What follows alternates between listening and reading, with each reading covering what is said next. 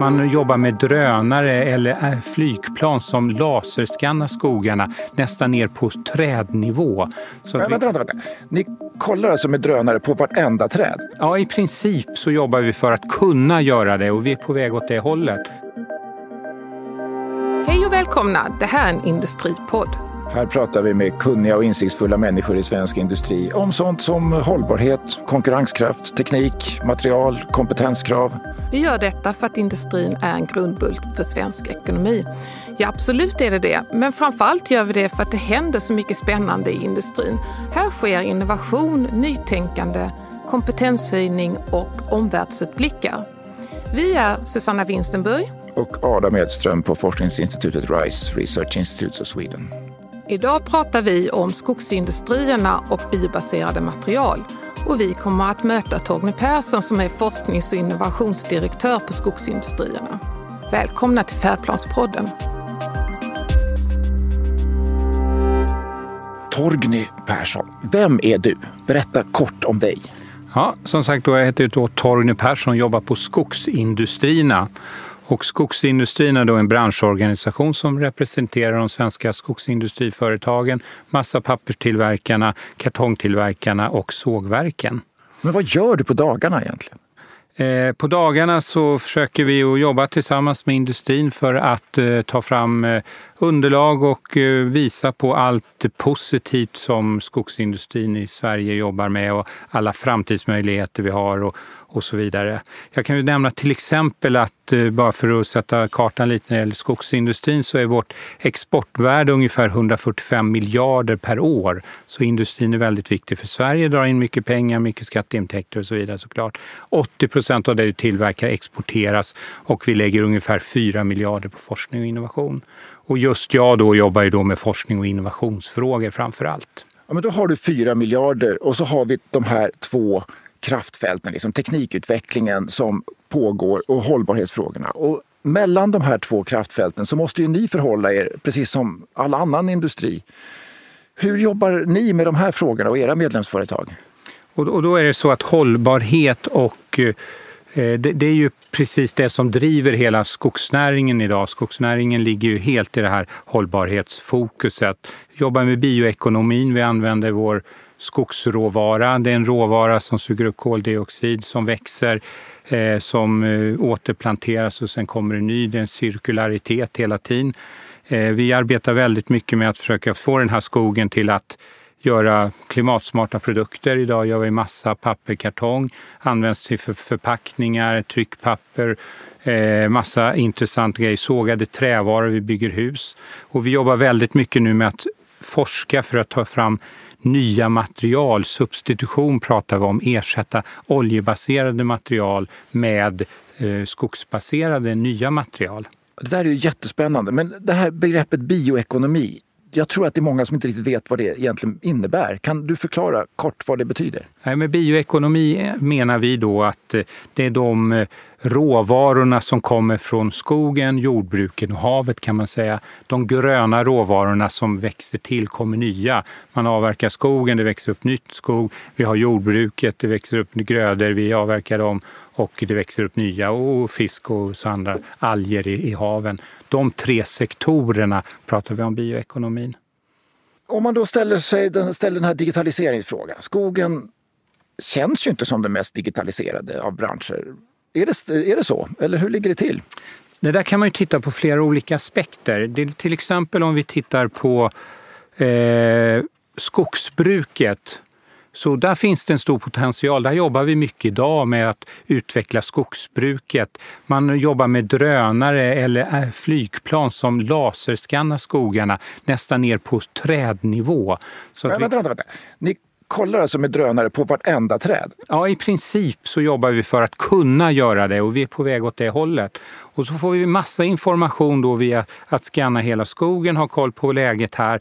Vi har markkartor som visar om det är blött eller om det eh, är torra marker. Vi har koll på vad det är för typ av marker. Vi har koll på vad vi ska använda de här, vad vi ska tillverka just nu. Och då kan vi göra system så vi med hjälp av digitalisering går hela vägen tillbaka och tänker, ja men just det här området har bra bärighet, vi gör så mycket lite skada i skogen som möjligt. Vi kan gå in och hämta just de här träden, det här beståndet, avverka det för att tillverka just en speciell produkt och få det här systemet så effektivt som möjligt. Det är en aspekt på det hela. Ja, men där är ni inte riktigt än. Nej, utan det är det vi jobbar mot, men vi går åt det hållet. Tittar man sen till exempel på produktionsprocesserna så är de väldigt digitaliserade. Skogsindustrin har ju väldigt avancerade styrsystem.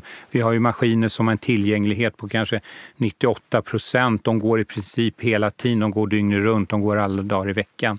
Och eh, där är ju digitaliseringen ganska långt kommet för att man ska kunna ja, få så effektiva produktionsmetoder, produktionsenheter som möjligt. Det där låter ju jättespännande. Det måste ju vara så att ni jobbar väldigt mycket tillsammans för att få det här att fungera, eller hur? hur Absolut. Och, då är det som så, så, om man tittar på skogsindustrin, om vi har någon typ av svenskt perspektiv här till att börja med i alla fall, så är det ju som så att vi, vi byter skogar med varandra, man optimerar för att ha så korta transporter som möjligt. Så man har väldigt mycket att vinna på att samverka. Vi har eh, kanske inte jättemånga maskinleverantörer och eh, skogsindustrin har som tradition och har sedan länge i alla fall på forskning och innovationsområdet arbetat väldigt mycket ihop. Och då blir det ganska stora satsningar, gemensamma satsningar som leder fram till ny kunskap. Sen är det såklart att alla industrier utvecklar och sin egen produktion och sina egna produkter men man tar fram ny kunskap ganska mycket tillsammans. Om vi går över på det här med biobaserade material. Eh, vilka lågt hängande frukter skulle du säga? Var är det man kan börja substituera fossilt med biobaserat? Man kan väl säga som så här, jag tror att den där finns i två dimensioner. Den första dimensionen är det, idag tillverkar vi ju till exempel eh, förpackningsmaterial. Och där har vi ju väl fungerande värdekedjor som redan fungerar. Där finns det ganska lågt hängande frukter att, att använda till exempel vad ska vi säga, ett säckpapper istället för en plastpåse som är ganska hett just idag, diskuterar vi mycket med plastskatter och annat. Eh, alltså de produkterna vi redan gör kan vi ha användarsubstitution genom att ersätta då fossilbaserade med den typen av produkter vi har. Sen så är nästa steg, och det jobbar vi väldigt mycket med nu, att bryta ner eh, fibern, träfibern ner på mikronanonivå och sen utifrån det bygga nya material. Men då är vi inom ett forskningsområde och det kommer ju ta kanske tio år till innan vi verkligen kan, kan till exempel byta ner träfibern och bygga nya eh, plastliknande material som, som ett exempel. Det där låter ju oerhört spännande. Ehm, Någonting som vi har funderat på det är det här eh, eh, när det gäller forskningsinsatser så diskuteras det ibland att vi inte får tillräcklig utväxling på statens och myndigheternas insatser. Stämmer mm. det? Jag skulle nog inte riktigt säga att jag tycker att det stämmer. Men det är ju så att forskning är ju svårt. Vi ju, jobbar ju med saker som vi inte förstår. Vi tar fram ny kunskap. Det är väldigt avancerat att verkligen visa på exakta resultat. Vi bygger ju alltid upp ny kunskap, vi lär oss nya saker. Sen så pratar man ju lite om det här med dödens dal eller dödens fält, att det kommer fram mycket kunskap. Sen är det ett visst eh, problem kanske att flytta över det här och verkligen göra innovation, verkligen ta det ända ut. Och där kan vi göra mer och det kan vi, vi bli bättre. Och där har man till exempel pratat mycket om pilotanläggningar, storskaliga försök. Mm. Och forska med lite doktorander och lite forskningsprojekt, det kostar ju kanske en del pengar, men det är i alla fall rimligt. Men sen när man ska uppskala, kanske bygga en ny pilotanläggning, då kommer man ganska snabbt upp i väldigt mycket större pengar. Och jag tror att det är ju en av problemställningarna här, att själva uppskalningsmomentet, i alla fall när det är processforskning för, för basindustri eller tung industri, att det kostar ganska mycket mer att testa forskningsresultaten i verklig skala för att kunna dra bedömningen, kan vi ja, införa det här nya konceptet, den här nya kunskapen? Så, så det kan väl vara där som, och, och, och, och det jobbar vi ju med, men, men det kan ju vara där det kan vara lite svårt ibland att få fram de pengarna och de investeringarna som, som behövs. Och det är såklart, då kan man ju diskutera, är det statens uppgift eller industrins uppgift? Mm. Men, men det är såklart att industrin lägger pengar och industrin ska driva det. Men ibland när man är först på bollen och ibland när man ska testa något helt nytt så behövs det riskpengar från staten för att eh, kunna göra de genombrotten som behövs. Jobbar ni tillräckligt mycket med kunderna? Jag tänker på med slutkunderna när det gäller att få fram nya material. Det, det där är ju lite olika vad man pratar om. Skogsindustrin är så bred. Vi pratar skoglig forskning och där jobbar vi mycket tillsammans och vi har varit inne på det lite.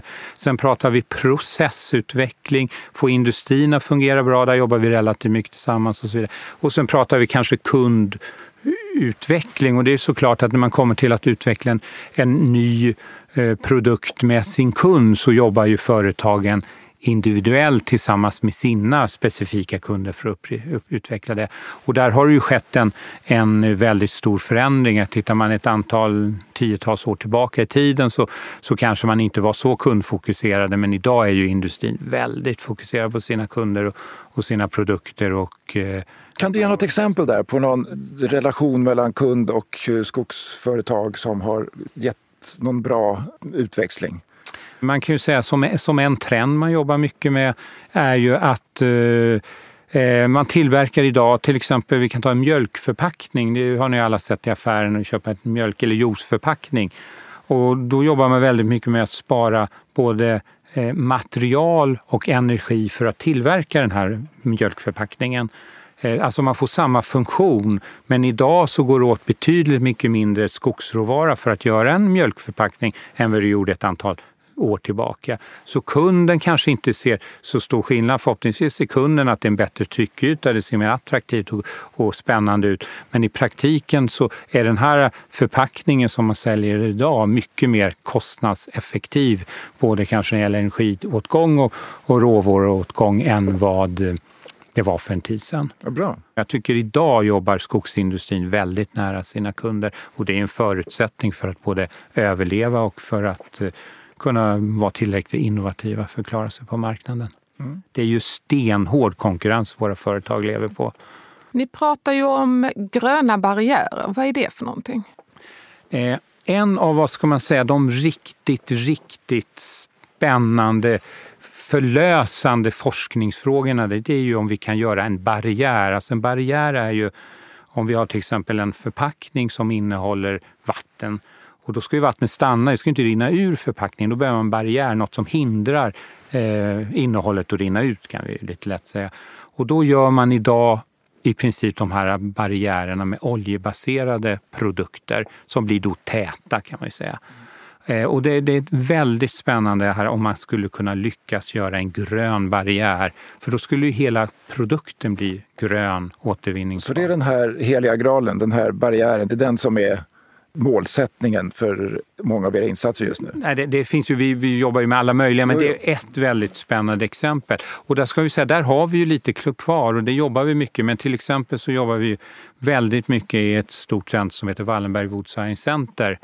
Och där vi jobbar mycket med det här som vi pratade om förut, att förstå mer av kunskap av råvaran, bryta ner det på nanonivå, bygga nya material. Och här finns det ju mycket aktiviteter då som handlar om kan vi förstå skogsfibern bättre så kanske vi också kan göra gröna barriärer. Men då måste ni ner och forska på molekylnivå, eller? Absolut, och det, det gör vi ju idag. Och, eh, men som sagt, det finns ju många olika inriktningar. Men det här med nya material och så, det är ju ett väldigt hett område. Och, och där jobbar vi på väldigt avancerad nivå och väldigt eh, specifikt det händer ju mycket spännande inom byggsektorn. Vad gör ni för någonting?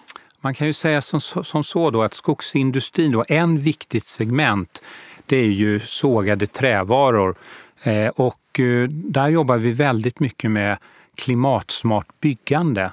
Använda trä istället för cement, använda trä istället för stål. Och det är så att Träet är ju väl ett, ett naturligt material, kommer från skogen och eh, det går ju väldigt bra att bygga i det. Och idag bygger vi ju nästan alla, i Sverige till exempel, nästan alla eh, familjehus, mindre hus är ju i, i trä. Men nu jobbar vi väldigt mycket med att ta fram koncept där vi bygger höga hus, kanske tiovåningshus i trä. Trä är mycket lättare än både stål och betong som man bygger mycket av med idag. Så då blir de här husen mycket lättare. Det blir mindre transporter och det blir blir eh, mindre miljöpåverkan genom att bygga i trä. Och då bygger man med nya koncept så att man, man gör antingen stora block, ni kanske har sett ett cementblock, när man bygger ett hus i cement så kommer det med lastbil, kanske två block på samma och så ställer man ut det. Och nu gör man sådana konstruktioner som man gör, de som CLT-trä, som eh, KL-trä heter, korslimmat trä på svenska kan man säga. Och eh, då så gör man sådana block som man också ställer ut och monterar hus. Och då är de här kanske man kan köra tio sådana block på en lastbil istället för två och det blir mycket lättare och man hittar nya processer. Och många gillar och säger att de trivs att bo i sådana här trähus. Då. Och då kan man göra både bostäder och kontor och kanske andra byggnader också? Absolut, och grejen är här ändå att man bygger höga hus i trä, kanske tio, som vi sa, tio våningar.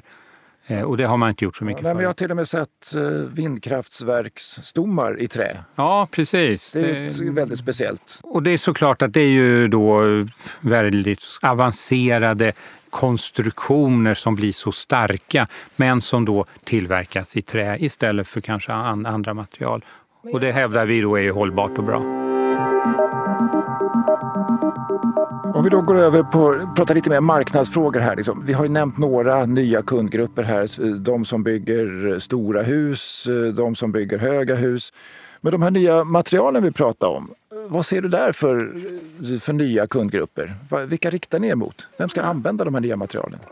Dels så vill vi ju gå in då och ta med de befintliga materialen vill vi hitta nya marknadsområden som ersätter fossila material och så vidare. Och det är ju livsmedelsindustrin och den som vi varit inne trä mot byggindustrin och så vidare.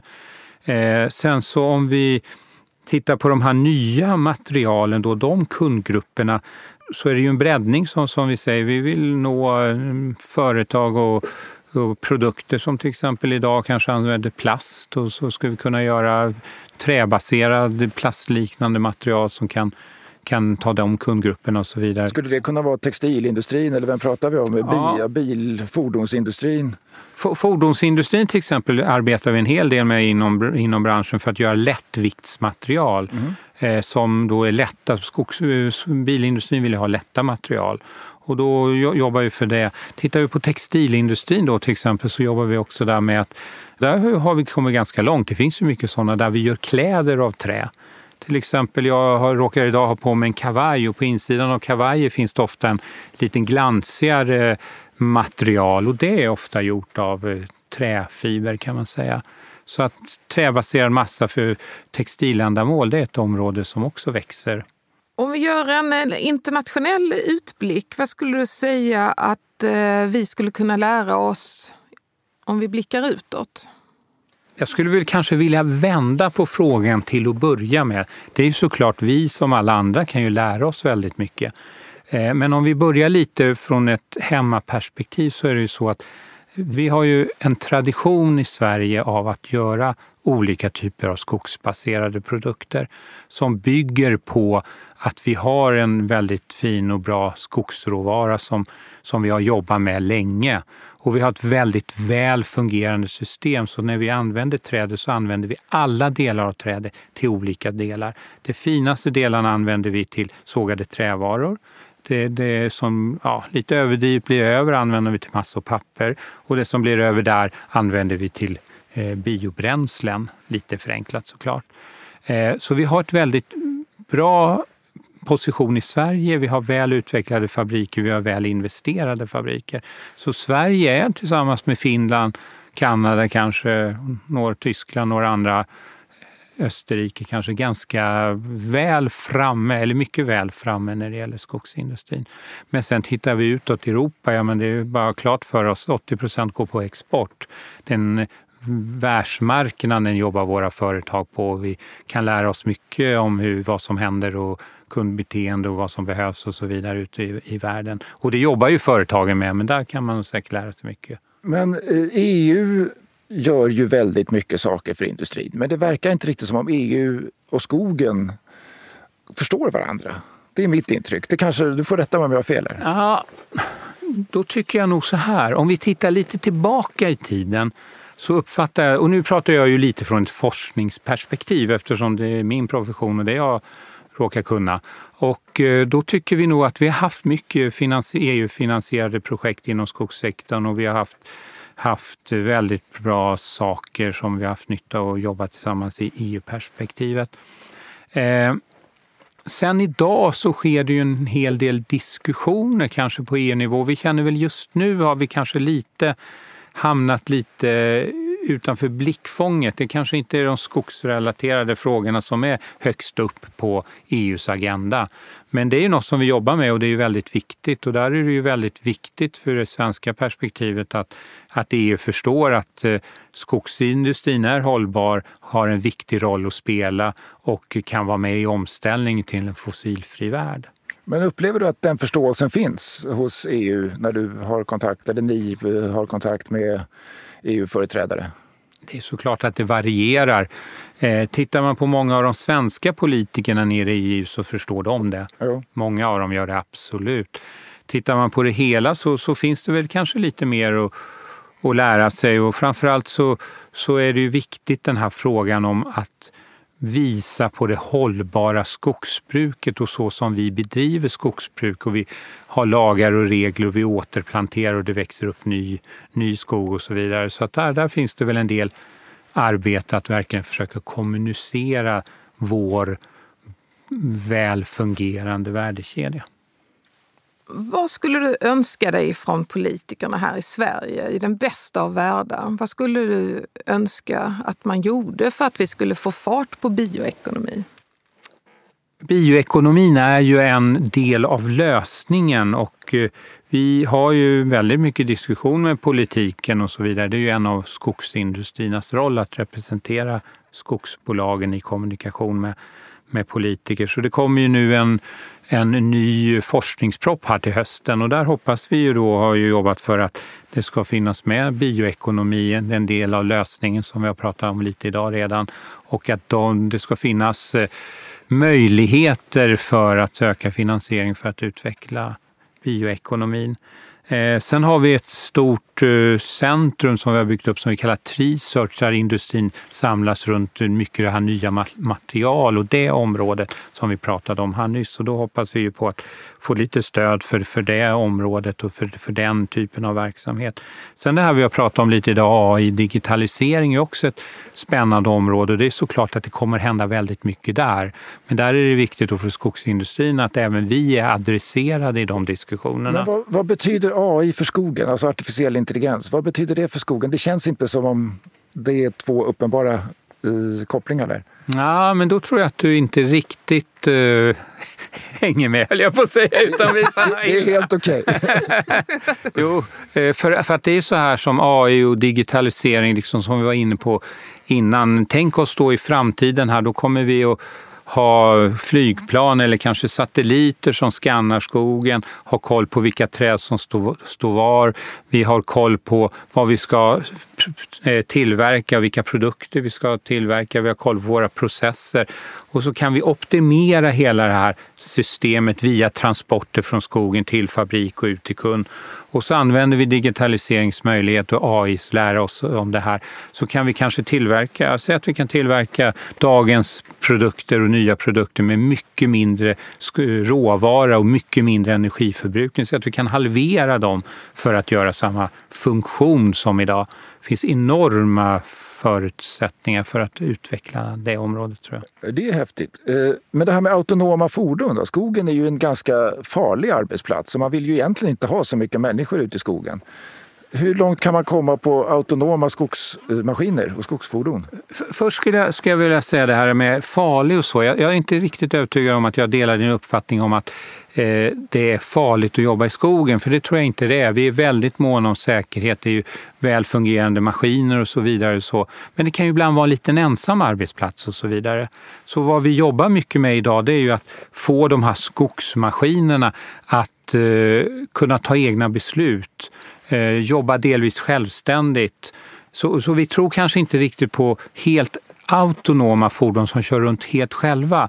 Men vi kanske jobbar nu och tror på semi-autonoma fordon. Man sitter i en, i en hytt och man kör en maskin, man kanske kör flera maskiner. En förare kanske kör tre fordon samtidigt. Så att maskinen kommer ut, den ska välja ett träd, den ska bestämma var, hur lång ska stockarna bli, hur ska man göra och hur ska man agera just här? Mycket där tror vi skulle kunna ske autonomt, så semiautonoma, alltså delvis självgående fordon. Det tror vi på, det jobbar vi med. Och är det här någonting som funkar med dagens teknik eller behövs det, hur mycket utveckling behövs det? Behövs det till exempel 5G som, kanske, eller som är på väg att rullas ut i Sverige men som inte riktigt har rullats ut i skogen? Vi är ju inte riktigt där än. Det, det, det är ju en del jobb kvar, men vi jobbar mycket med de här frågorna och jag tror säkert att vi under ganska snar framtid kommer göra stora genombrott. Men det behövs ju liksom, som du säger där, det behövs kanske 5G för att kunna få snabb eh, information, överföring och få de här maskinerna att kommunicera på rätt sätt och snabbt med varandra.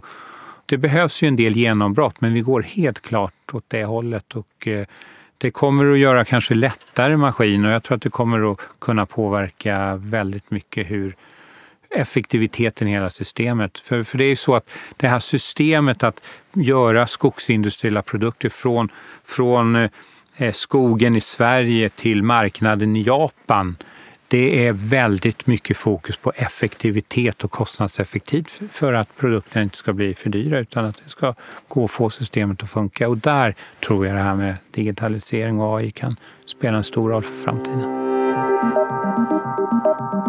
Det här med kompetensförsörjning är ju något som har lyfts i vårt arbete som ett utmaningsområde. Hur ser det ut för er? Hur jobbar ni med frågan och är det ett problem?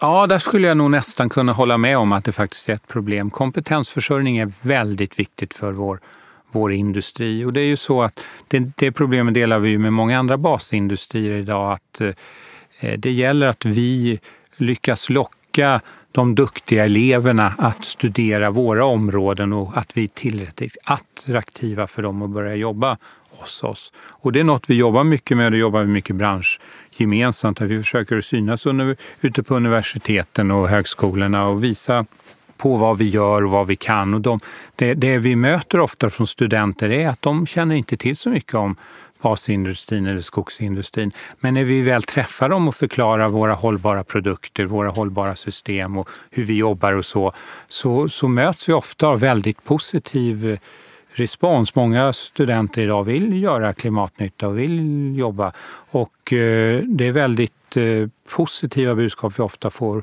tillbaka men vi måste vara mycket, mycket bättre på att sprida vad vi kan och vad vi gör och vilka möjligheter vi har.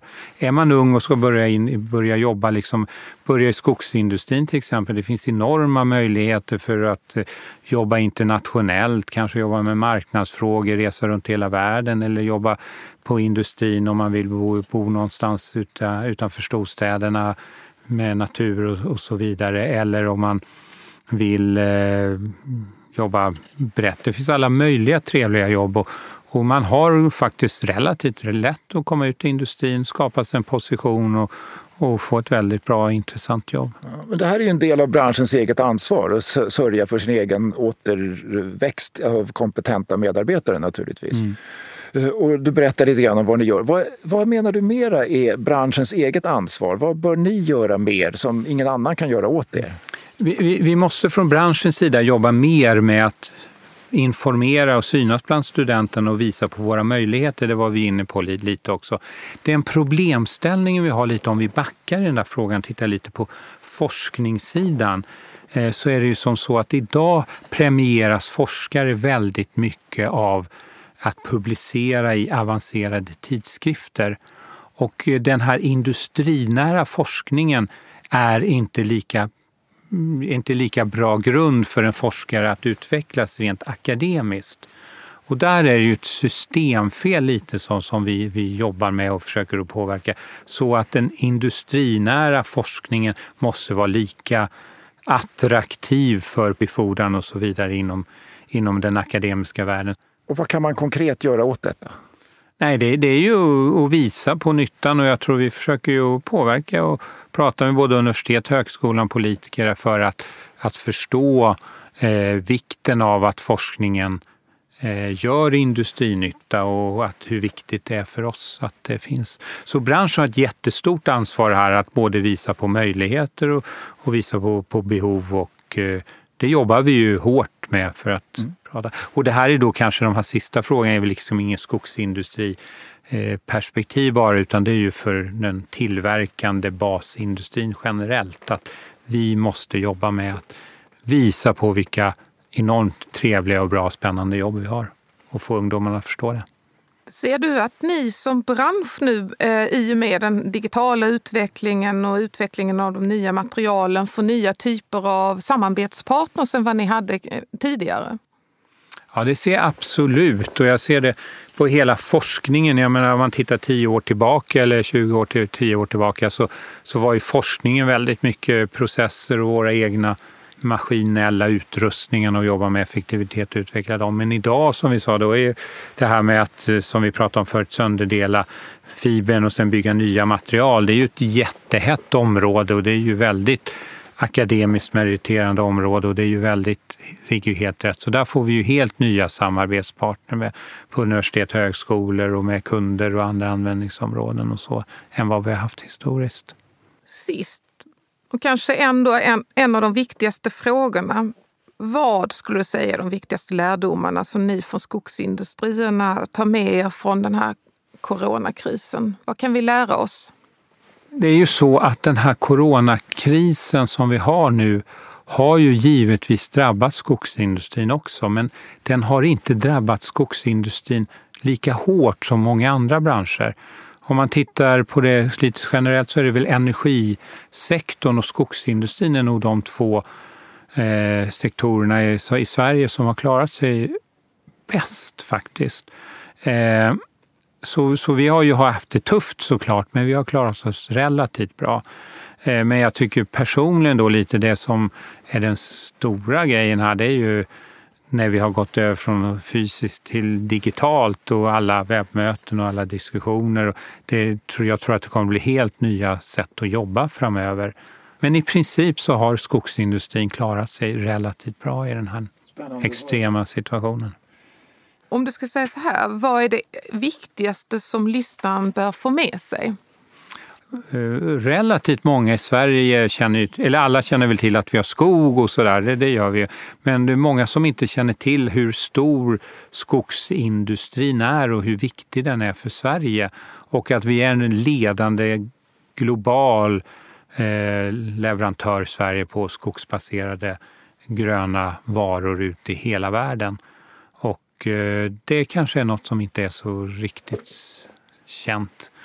Vad skulle du säga att vi ligger forskningsmässigt jämfört med andra länder? Eh, forskningsmässigt så är vi ju en av de starka parterna. Jag skulle vilja kanske kunna säga att Sverige och Finland är, skulle jag nog vilja bedöma, de två starkaste nationerna. Och sen Kanada är duktiga också, så finns det andra aktörer också såklart. Men, men Sverige och Finland är väldigt starka i, inom det här området. Spännande. Då tycker jag att vi säger tack så jättemycket och eh, vad roligt att du ville vara med i Färdplanspodden. Tack för att jag fick komma. Jättetrevligt att bli inbjuden. Adam, det här med bioekonomi och nya material, det låter ju väldigt intressant. Vad tar du med dig från det här avsnittet? Jag tar med mig den här utmaningen att skapa den här vätskebarriären med helt biobaserade eh, komponenter. Och så tar jag med mig det här att skogsindustrierna verkligen vill gå ner på molekylnivå och förstå hur trämolekyler faktiskt ser ut och hur de fungerar. Det, det tar jag med mig. Vad tar du med dig när det gäller skogsindustriernas digitalisering?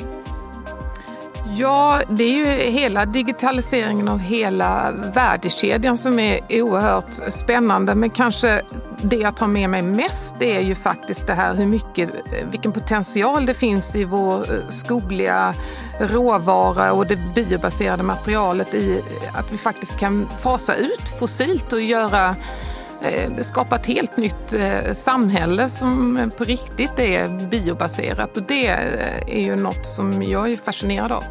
Ända ner på kemikalienivå ska jag säga eh, ner att kunna göra biobaserade baskemikalier. Vill du veta mer om bioekonomi och andra framtidsspaningar för svensk industri? Då tycker jag du ska ladda ner rapporten som heter Färdplan, teknik, material och förmågor för hållbar industriell konkurrenskraft. Den finns på www.ri.se och sök på ordet färdplan.